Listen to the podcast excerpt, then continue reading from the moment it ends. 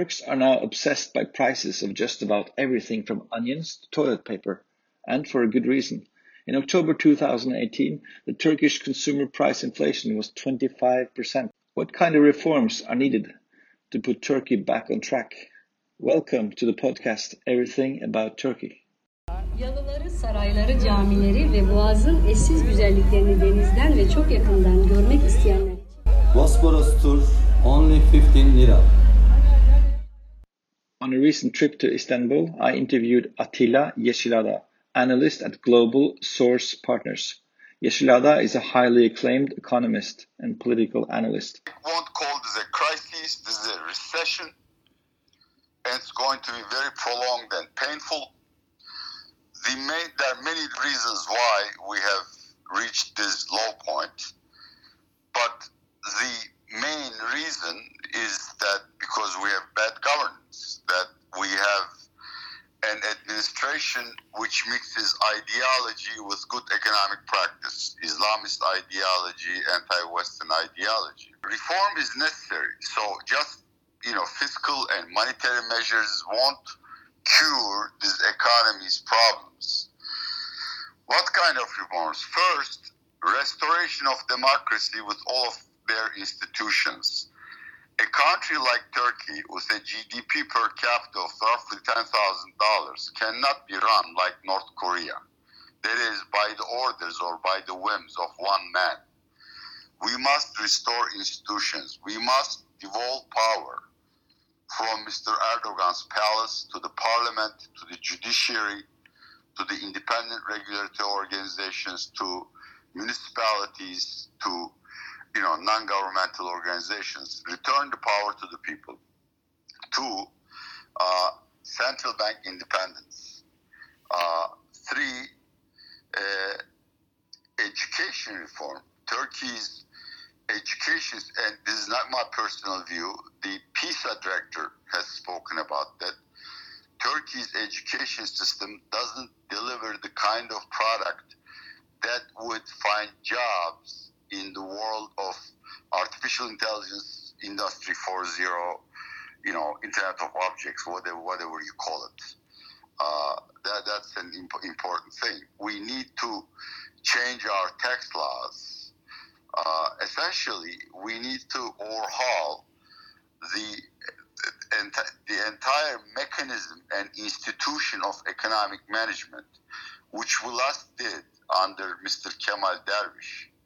And since then, we have steadily eroded and wasted his inheritance. That needs to be renewed completely. And to me, the fastest and simplest way to do that is to immediately re-engage with EU and start opening accession negotiations. In my humble view, of many things we have tried, opening of these chapters of accession have resulted in the quickest way of improving Turkey's economic and social performance. Last September, Turkey's uh, finance minister Berat Albayrak launched what he called a new economic program.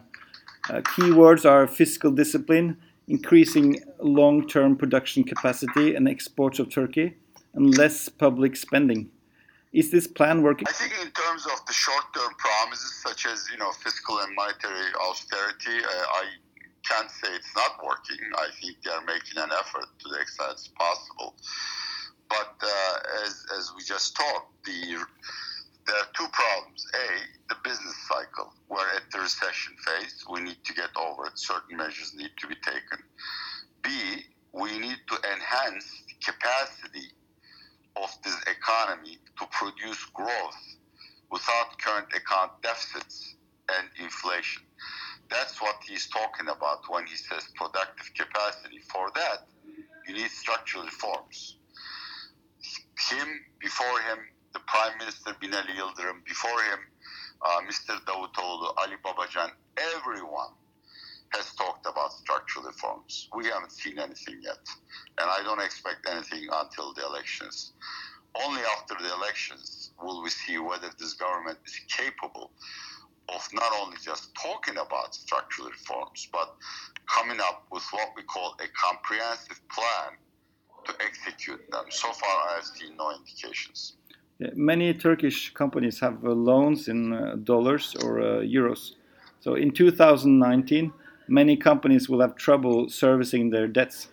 Will Turkey's uh, state-owned banks cover for these companies, or will they somehow secretly default while pretending to restructure the debt? I think this is the biggest problem and most intractable problem in Turkish economy. I mean, we can cure the recession uh, but uh, we have never dealt with corporate debt because Turkey was introduced to corporate leverage in 2009. If you look at the data series, before 2009, Turkish households and corporates borrowed very little. They essentially existed on, you know, their own capital, on their own equity. So this is a new experience. It's very addictive, and we don't know how to deal with it. It's like, you know, giving alcohol to American natives. Given the economic slowdown, given the global financial conditions which are tightening, uh, Turkey's corporate debt cannot be paid off. It needs to be written off, restructured, etc., etc. State banks cannot assume that debt. In my humble calculation, based on Standard & Poor's reports, other secondary sources, at this point, roughly $60 billion worth of corporate loans are in bank balance sheets which are either non-performing or very close to non-performing. And no one has that kind of money. So a we need to call in imf and potentially eu which has experience from the case of ireland greece spain etc etc then we need to find a way to refinance uh, to collect this debt in some institutions such as a bridge bank or a fund uh, and to sell it and start you know uh, with a blank page. There is also a critical structural reform but unfortunately nothing has been done. So far bank stress tests have been promised but nothing has been delivered. We know thousands of companies are renegotiating their bank loans but you know, banks are not telling us what sums are. And Turkey's banking regulatory authority, called BRSA, has changed the macroprudential rules, that is, the rules by which banks report these things. So any loan that's restructured uh, is treated as a perfectly new and you know uh, perfectly credit-worthy loan. So we have no idea uh, about the size of these frozen loans. We can take a glimpse at it by the balance sheet of BBVA or Garanti, which is subject to European regulations. In its balance sheet, such let's call them troubled loans or questionable loans made up roughly 16% of the total according to Standard and Poor's latest, Standard and Poor's latest reports, non-performing or um, you know risky loans in the Turkish banking system could reach 10 or 12 percent of the total. The official number is currently 4 percent. Turks have uh, made many jokes on social media about the soaring prices of onion, toilet paper, beer and many other products, especially imported products. There is a top down campaign to prevent shops from raising prices. Uh, this puts shop owners in a very difficult position. On, on the one hand, they are experiencing uh, higher costs and um, there is an inflation, so they should normally raise prices. But on the other hand, they are not allowed to raise prices. How does that work? It doesn't. That's a disaster. That's an intimidation campaign, and it's another sign of AKP constantly refusing to abide by the rules of simple economics. I mean, essentially, uh, they are putting the hammer on people's heads not to make any profit. Uh, as a result, a lot of companies are seeking bankruptcy production, uh, bankruptcy protection, or rescheduling their loans because they can't make money. Another way people deal with that is what we have invented a new term called shrinkflation. So instead of selling, say, a bar of chocolate in 100 gram, gram units, you sell them in 80 gram units. charge the same price. Uh, black markets are developing. Certain market, certain uh, key ingredients cannot be found. I have recently talked to uh, members of the pharmacists union. R- approximately 800 brands of basic medicines are no longer imported or are no longer widely available. You need to go from pharmacy to pharmacy to find them. So this campaign is not working, but shopkeepers need to abide by them because according to official numbers, in the last two months, 6,000 shops or production facilities have been raided by the inspectors of the trade ministry to see whether they are charging exorbitant prices. The choice faced by the average merchant or retailer is simple. Either you abide by the government's edict of not raising your prices and making losses, or the next day inspectors are at your door seeking through every nook and cranny to see whether you are you know benefiting from devaluation. It's a crazy world. It really is just it's a Kafkaesque. That's the only word I find to describe what's going on in Turkey right now. It's a very difficult situation for many. And I have, have um, um, another question. It's a bit long, but it's uh, it's quite an interesting question. I think. I mean, a few days ago, uh, we went on a family trip to Eskişehir. And um, to, to, to, those of my uh, my listeners who don't know where it is, it's uh, almost uh, in the middle between Istanbul and Ankara. It's a charming, uh, quite beautiful, uh, comparatively small city, almost 800,000 people. And uh, we went uh, for a meal at the famous um, kebab uh, restaurant, probably Eskişehir's most famous kebab place. Um, the food was amazing, and the, the manager was very, very friendly.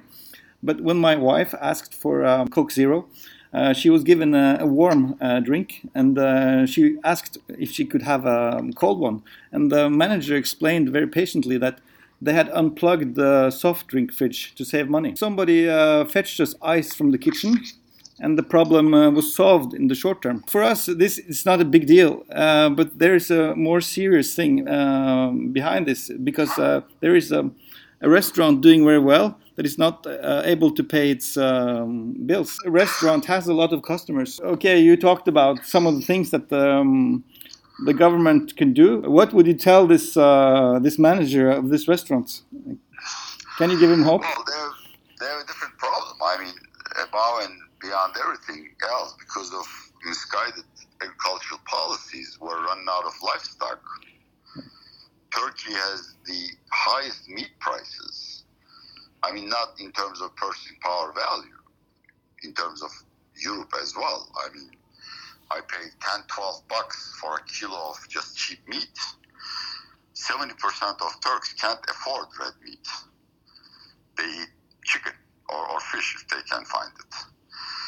And that applies to restaurants as well. I mean, you can't you can't serve a dish that's affordable to the middle class. So they cut they they you know, scrounge on other articles. The same thing applies to alcohol. Alcohol taxes are so excessive that just a simple uh, glass of wine is 25, 30 liras, and that's that's a lot of money for Turks. So they save on everything else. I go to neighborhood restaurants, you know, for for small merchants. Uh, what they do is like every three months they buy smaller plates because people just can't afford the bean stew. You can't sell a bean stew over 10 liras. That seems to be sort of like Japan, a fixed price. So every time I get less bean stew.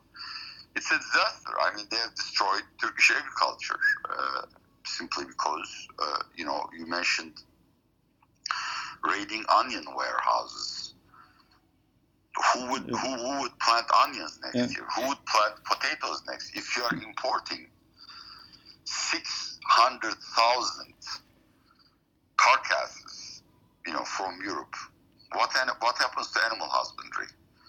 Uh, Turkey imports uh, hay and and and and and feedstock for animals, all of which are priced in dollars.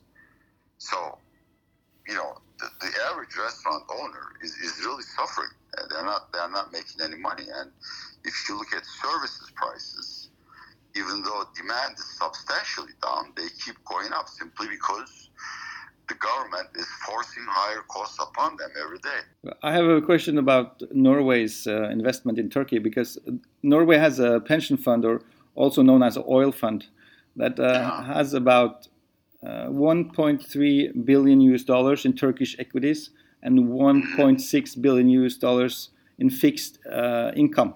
And uh, the equities investment is spread out on 51 companies such as Akbank, Ford Automotive, Koç Holding, Mavi, Migros, etc.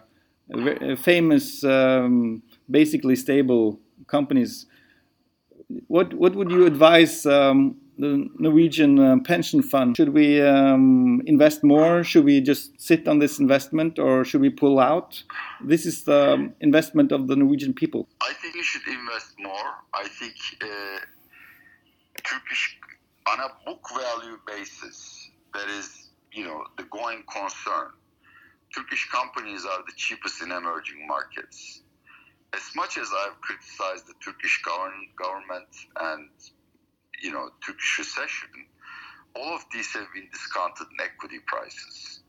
So I, I, I, I personally recommend to everyone to buy equities, including banks. All of those difficulties have been discounted. And I think within 12 months, uh, the people of Norway would uh, be uh, thankful to the Norway Oil Fund uh, for for buying Turkish equities. In terms of fixed income, I suppose I don't know if you are talking about TL. If TL, I would say you know TL bonds, I would say sell because bond prices will go down. Uh, in terms of dollar denominated, there are two risks. A, interest rates could rise. B, there is a default risk. I don't see a default risk. Turkish government will not default, but interest rates on these are likely to increase. So uh, my recommendation would be to cut duration. That is to switch to shorter maturity euro bonds. But in general, um, I think, uh, with the exception of 10 year TL bonds, Turkey's difficulties are very well known in the investment community, and prices more or less reflect the realities. That's one of the problems. You know, no one is investing in Turkey. This is why prices are cheap. People are not stupid. They see what Ankara fails to see that they are running this country to the to the ground. But you know, even a car that has been wrecked has a has a wreckage value, and I think right now everything in Turkey is at wreckage value. It's difficult to lose. Uh, we spoke um, last time in April 2014, and we talked a lot about the, the new airport that is um, now almost complete at the, the, Black Sea coast of Istanbul. The, the airport is a bit um, behind schedule, um, and we were talking about the financing of the airport have you looked into the financing? Do you think they will be able to cover their uh, costs? Well, I highly doubt. I mean, everything is delayed. Uh, the concession period obviously has ends at a certain date, but the opening has been delayed from end of October to March. I talked to a couple of people, the pilots, etc. Uh, obviously, anecdotal evidence, but I no one believes that the airport will be fully functional by then. Uh, even if it is, the transport lines that feed the people into the airport are not complete. Uh, there is going to be just havoc. There is only one metro line and one main highway that goes there. People have will have to rely on very slow buses or expensive taxis, so that's not going to work.